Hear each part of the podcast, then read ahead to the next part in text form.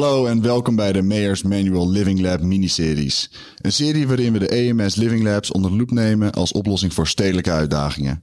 Mijn naam is Kipio Kok. Ik ben strategisch adviseur bij het ingenieursbureau van de gemeente Amsterdam. En vandaag zit ik hier met mijn collega-redacteur en co-host Jalisa Schaap. Ook strategisch adviseur bij het ingenieursbureau. Maar dat niet alleen. Jalisa, jij bent ook community manager bij Rainproof Amsterdam. En vandaag nemen we een duik in de regenwaterberging van Amsterdam. Wat volgens mij een heel belangrijk onderwerp is. Alleen al om onze stad leefbaar te houden in periodes met veel regen en juist met veel droogte. Maar kan jij ons eh, wat meer vertellen over de Living Lab van vandaag? Ja, natuurlijk. Ja.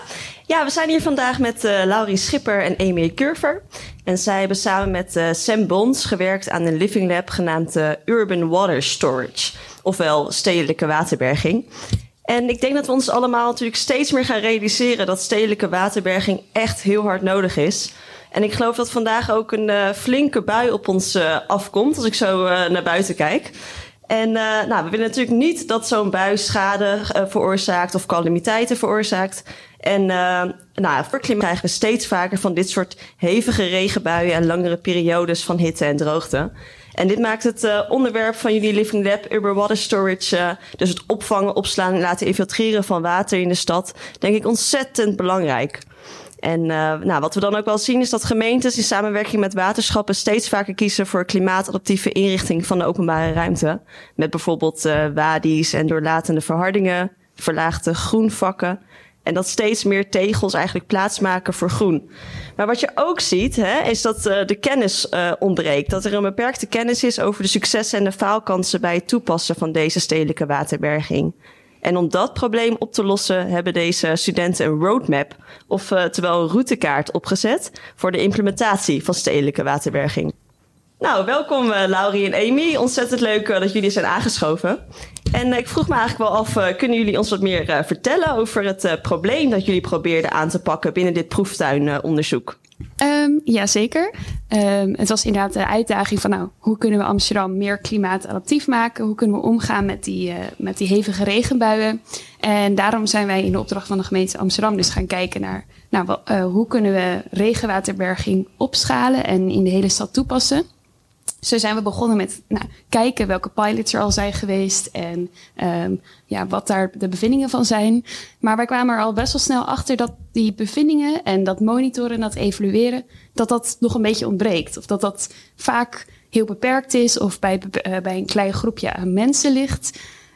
Um, dus vandaar dat wij eigenlijk onze um, focus van het Living Lab iets hebben aangepast en dat wij zijn gaan kijken naar oké. Uh, hoe kunnen we eigenlijk dan voor zorgen dat die monitoring en evaluatie uh, beter wordt uitgevoerd? En um, in samenwerking met eigenlijk allerlei mensen die betrokken zouden kunnen zijn bij de implementatie van regenwaterberging. Dus denk aan uh, ontwerpers openbare ruimte, um, ontwerpers van IB, waternet. Um, nou, eigenlijk een hele groep aan mensen zijn we eens samen gaan kijken van oké, wat ontbreekt er? Uh, hoe zit die verdeling van verantwoordelijkheden? Waarin kunnen we meer afspreken? En hoe vertalen we dit dan naar een soort aanpak, zodat het voor iedereen duidelijk is wat zijn taak daarin is en wie wat beheert qua monitoring en evaluatie. Wat goed. Ja, dus je hebben heel veel verschillende stakeholders, of in ieder geval verschillende afdelingen ook uh, betrokken. En Laurie, kun jij misschien nog iets meer vertellen hoe jullie dit verder hebben aangepakt? Uh, ja, zoals Amy vertelde, zijn we dus begonnen inderdaad met dat we moesten kijken naar de pilots die er al gedaan waren. En kwamen dus vrij snel tot de conclusie dat er wel wat pilots gedaan waren, maar dat er eigenlijk weinig informatie over verzameld was. En toen zijn we dus uh, nou ja, van scope veranderd en zijn we dus gaan kijken, oké, hoe kunnen we dan zorgen dat er in de toekomst wel bij toekomstige pilots goed gemonitord en evalueerd uh, gaat worden. Dus daarvoor hebben we die roadmap gemaakt. Um, en daarnaast hebben we ook nog van alle pilots die, waarvan we wel informatie kunnen vinden, uh, hebben een soort mini-database opgesteld. waarin we de technische efficiëntie van alle regenwaterberging uh, pilots die er wel al geweest zijn, met elkaar vergeleken. Zodat we wel iets meer informatie konden geven over wat nou op welke plek het beste werkt. Dus hebben een beetje gekeken naar, de juiste initiatieven zijn er wel, maar ze praten nog niet met elkaar. En we hebben een soort van algemene structuur nodig om dat, uh, dat in goede banen te leiden daarbij. Of, of is dat een te simpele manier om het, uh, om het te zeggen? Ik denk dat dat wel een, uh, een goede samen, samenvatting is, inderdaad. Dus we hebben met name inderdaad gekeken van hoe kan je nou zorgen dat eigenlijk die verschillende afdelingen van de gemeente en ook van Waternet, dus alle stakeholders die betrokken zouden moeten zijn bij, dit bij dit proces. Uh, ja, hoe je die er allemaal standaard bij betrekt en, zorgt dat dus ook de beheerders bijvoorbeeld wel al betrokken worden bij het ontwerpproces zodat als de WADI er straks is, dat de beheerders ook weten wat ze moeten doen en dat dat op een goede manier gaat. Want als je met een WADI, als die verkeerd beheert, dan verliest hij zijn effectiviteit. Dus dan kan je wel een hele leuke WADI hebben, maar dan functioneert hij niet.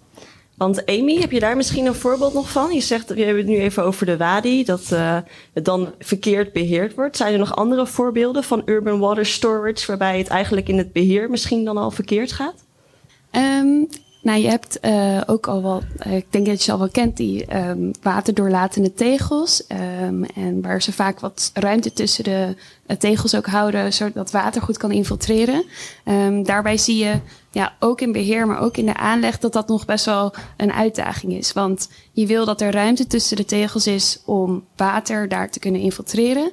Maar je ziet bijvoorbeeld, uh, ja, als het niet goed wordt onderhouden, dus die ruimte raakt vol door bijvoorbeeld zand of andere dingen, dat die infiltratie gewoon niet meer ja, voldoende is. En dat is een uitdaging waarbij je ziet van, oké, dan is er toch eigenlijk een soort gat tussen mensen die het bedenken en mensen die het moeten uitvoeren en beheren. In uh, dat dat um, ja, dus dat, dat, dat, dat het nog niet helemaal bekend is. Dat het heel erg belangrijk is dat die waterdoorlatend moet blijven. En dat die, dus die ruimte tussen die tegels zo belangrijk is om open te houden. En dat is iets waar je dan in, met beheer, maar ook met uh, aannemers heel erg uh, in gesprek over moet gaan. Dat dat ook bekend wordt bij hun en dat het dan goed op elkaar wordt afgestemd. En begrijp ik het goed dat jullie dan dit soort data dus ook willen verzamelen in die database waar jullie het over hebben met de roadmap? Ja, ja want uh, ja, je zou kunnen zeggen, we bouwen die database alleen op op basis van effectiviteit. Maar we hebben inderdaad juist geprobeerd ook op basis van beheer, um, um, waarnemingen, op uh, basis van hoe ging de aanleg, wat, waar liep je tegenaan. Bijvoorbeeld ook kabels en leidingen speelt daar natuurlijk een belangrijke rol want de ruimte is niet zo uh, groot ondergronds. Dus het is ook allemaal, allemaal dingen die meespelen die het heel erg belangrijk maken om ook mee te nemen in zo'n ontwerp. Leuk, goed om te horen, interessant. Ja. En wat motiveert jullie om dit, uh, om dit probleem op te lossen? Naast de studiepunten, uiteindelijk is het natuurlijk ook gewoon een studievak, maar jullie hebben wel bewust gekozen om, uh, om naar de waterberging te kijken.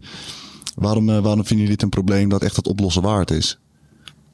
Um, nou, volgens mij zijn we sowieso alle drie uh, fa nou, fan van het thema water. Dus uh, we schrijven ook alle drie onze scriptie over iets wat met water te maken heeft. Um, en ik denk ook, nou, in Nederland is water natuurlijk sowieso altijd een thema geweest, uh, want we leven hier onder zeeniveau. Maar ook ja, voor een stad zoals Amsterdam is het gewoon, uh, ja, iedereen kent het wel. Als je over straat fietst en je rijdt er allemaal plassen heen, ja, dat is gewoon vervelend. Dus om te zorgen dat de stad leefbaar blijft, uh, is denk ik regenwaterberging daar een heel belangrijk aspect van. En niet alleen vanwege plassen op straat, maar ook juist doordat de stad heter wordt, daar kan je regenwaterberging ook voor gebruiken. Um, en bijvoorbeeld ook met, ja, door de implementatie van wadi's of zo, extra groen in de stad, dat zorgt ook dat de stad koeler blijft. Dus ik denk dat regenwaterberging ook uh, heel veel verschillende functies kan uitoefenen buiten het opvangen van regen en dat bewaren voor periodes van droogte, et cetera. En ik, ik, ik, zit hier aan, aan tafel met drie experts op het gebied van, uh, van uh, regenwaterberging ondertussen. Dus deze vraag is misschien voor jullie alle drie dan. Wat, wat, moet ik mij als leek nou precies voorstellen bij, bij stedelijke waterberging? Ik, ik ben wel bekend met een wadi, maar misschien de, de, de rest van de luisteraars niet. Hoe, uh, als ik door de stad fiets, waar, waar zie ik de, de regenwaterberging over tien jaar in elke straat voorbij komen? Nou, ik denk dat je, je ziet het eigenlijk al in uh, hoe groot het belang van groen nu al begint te worden in regenwaterberging. Um, dus je kan het zien aan wat dieper liggende groenstukken, zoals bijvoorbeeld een wadi zou kunnen zijn.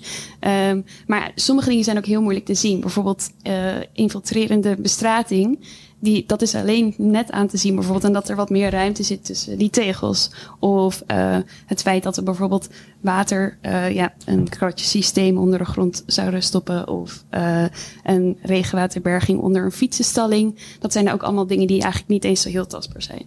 Dus in de openbare ruimte zit het meer denk ik in het groen. En ja, groen wat wat dieper ligt. Of duidelijke afvoer, afvoeren daarbij. Maar verder is het ook, zeker als een leek, best wel moeilijk te zien soms soms van oké, wat gebeurt hier nou eigenlijk?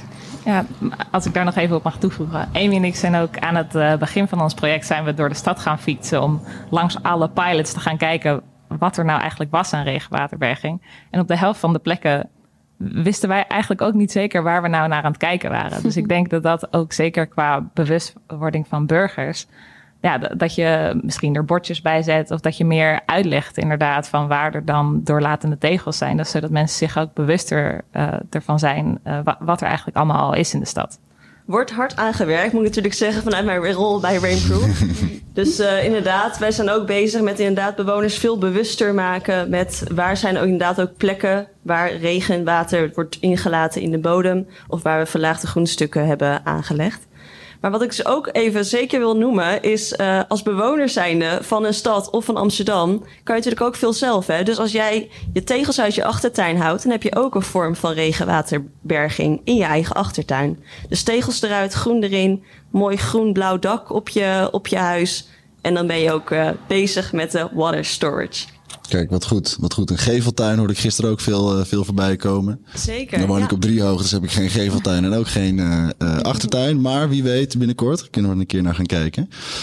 Hey, en als jullie, die, kijk, jullie zijn niet per se dus het probleem van waterberging aan het oplossen, maar meer de implementatie van, van waterberging. En, welke uh, rol vindt, zien jullie jullie oplossing spelen in, in de stad van de toekomst? Is dat het opschalen van het gebruik van waterberging? Of is het, hoe, hoe, zien jullie dat voor je? Ja, ik denk dat onze roadmap uh, heeft ja, als, als uiteindelijke doel dat het dus heel erg helpt met dat het eigenlijk veel integraler wordt toegepast, de regenwaterberging. Dus dat er ja, dat alle afdelingen van de gemeente en ook Waternet, dat die veel meer samenwerken om dus tot een goede regenwaterberging te komen. En dat het daardoor ook makkelijker maakt en je steeds meer informatie krijgt over de verschillende systemen.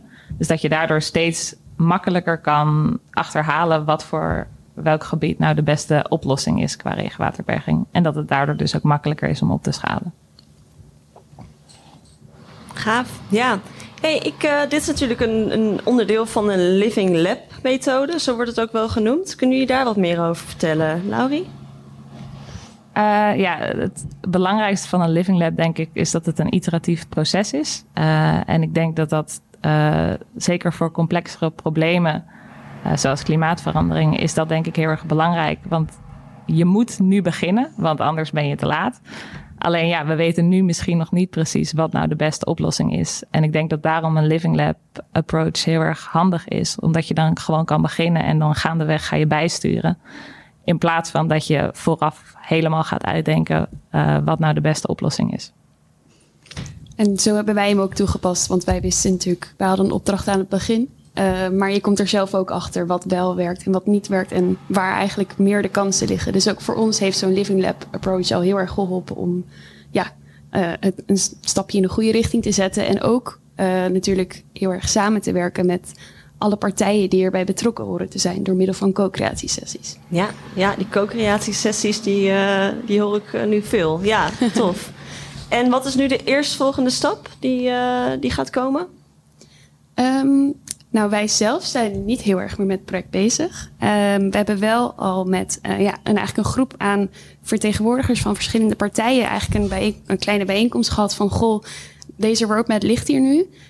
Um, wat kan elke partij meenemen in hun eigen aanpak? Want kijk, wij hebben een roadmap gemaakt van, vanuit ja, eigenlijk ook een beetje het uh, VNOR, of uh, de partijen die wat meer de, het initiatief nemen. Maar het is natuurlijk ook van belang om te kijken van als een IB of een waternet zijnde van oké, wat is nou mijn rol hierin en hoe zorg ik ervoor dat mijn rol, uh, dat dat ook wordt meegenomen in ons standaardproces. Dus dat het allemaal wat verder wordt meegenomen en geïntegreerd.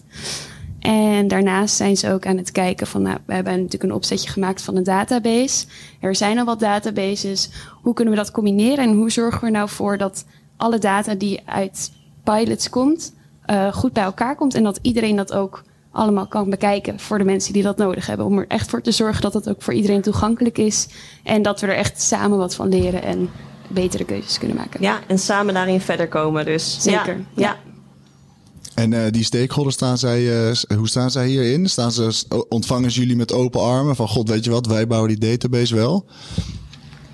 Uh, nou, we hebben een overdrachtsmeeting gedaan. En, en, ja, op zich zijn, er, zijn er mensen nu mee aan de slag. dus ja, volgens mij werd waren ze wel enthousiast over, de, over het idee. Maar het is natuurlijk wel altijd nog afwachten um, in hoeverre het daadwerkelijk ook echt geïmplementeerd wordt bij alle verschillende stakeholders. Dat IB is er nu goed, goed mee bezig. Maar het is denk ik vooral ook de uitdaging om ook inderdaad uh, bijvoorbeeld het beheer er goed bij te betrekken. Uh, want dat, ja, dat was ook in ons proces, konden we die het lastigst vinden. Mm -hmm. En waarom is dat dan? Waarom kon je beheer het lastigst vinden? Nou, ik denk dat um, bij het beheer misschien het bewustzijn van het belang van klimaatadaptatie en hun rol daarin nog niet zo duidelijk aanwezig is. Zij, zij hebben natuurlijk een hele belangrijke rol in het onderhouden van het groen. Maar bij het toepassen van klimaatadaptieve opties komt er natuurlijk wel een extra aspect bij kijken in het onderhoud. Daar zitten natuurlijk wat meer gebruiksaanwijzingen bij. En ik denk dat het dat is nog een hele interessante uitdaging om hun er ook goed bij te betrekken en daar de juiste samenwerking in te krijgen.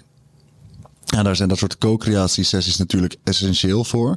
Waren er, hebben jullie onverwachte uitkomsten gehad uit die co-creatiesessies? Je zegt, goh, we hadden niet verwacht dat, het ons, dat ons onderzoek deze kant op zou gaan. Ja, ik denk dat een van de uh, nieuwe inzichten uit de co-creatie was, is dat er uh, nou, buiten is, is dat er met het beheer af en toe niet goed gecommuniceerd wordt. Dat het ook heel erg belangrijk is, uh, is dat je de aannemers goed inlicht. Dus dat je echt een heel gedetailleerd programma van eisen hebt. En dat je dus ook een aannemer hebt die snapt uh, wat het doel is van zo'n regenwaterberging. Omdat ja, al die systemen die sluiten best wel nauw. Dus als je bijvoorbeeld een randje wat 10 centimeter wordt te zijn, maar 5 centimeter maakt, dan kan het dat daardoor het hele systeem niet werkt.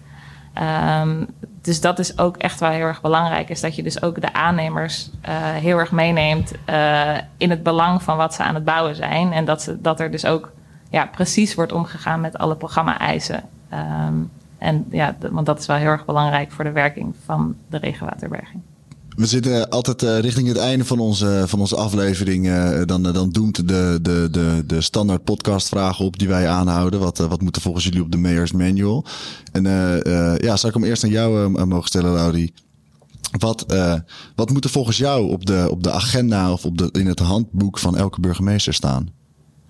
Um, nou, wat ik denk dat er op moet staan is dat uh, als je pilotprojecten doet, uh, van welke soort dan ook, dus dat geldt voor regenwaterberging, maar ook voor andere nieuwe innovatieve oplossingen, is dat je ook echt goed zorgt dat de monitoring en evaluatie van die pilotprojecten, dat die gebeurt uh, en dat die informatie ook beschikbaar blijft.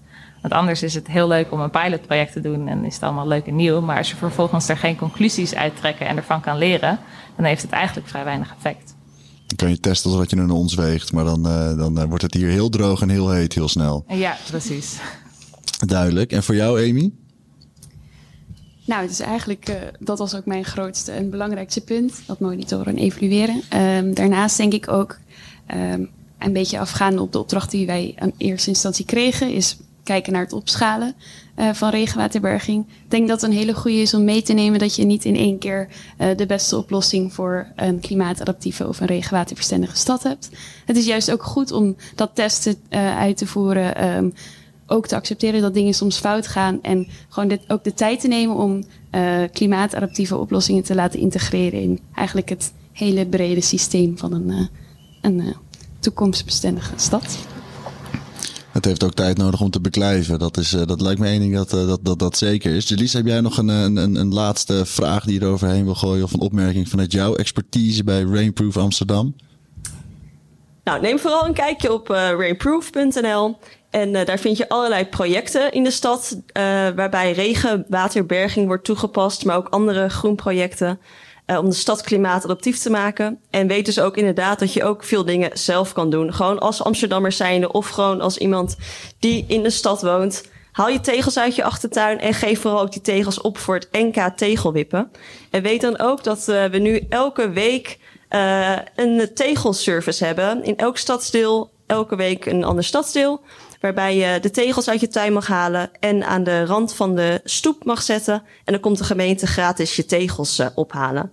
Staat allemaal op de, op de website. Daar kan je ook vinden wanneer je tegels aan de straat mag zetten. En dan gaan we met elkaar de stad vergroenen, klimaatadaptief maken, maar ook vooral dus een stukje mooier maken met elkaar. Dat lijkt, me, lijkt me perfect. Wat een goede service. Dat een goed idee. Hey, Laurie en Amy, jullie hebben ook, net zoals alle andere Living Labs, een prachtige site gemaakt. Wij eh, zetten die link dus ook voor onze luisteraars eh, in, eh, in deze aflevering. De beschrijving van deze aflevering. Dus ik zou iedereen willen aanraden om kijk daar ook vooral een keertje naar. Ontzettend bedankt dat jullie er waren. Ik vond het een heel leuk gesprek. Een mooi onderwerp ook. Ik hoop dat jullie daar nog, nog veel plezier aan beleven aan het onderzoek dat jullie hebben uitgevoerd.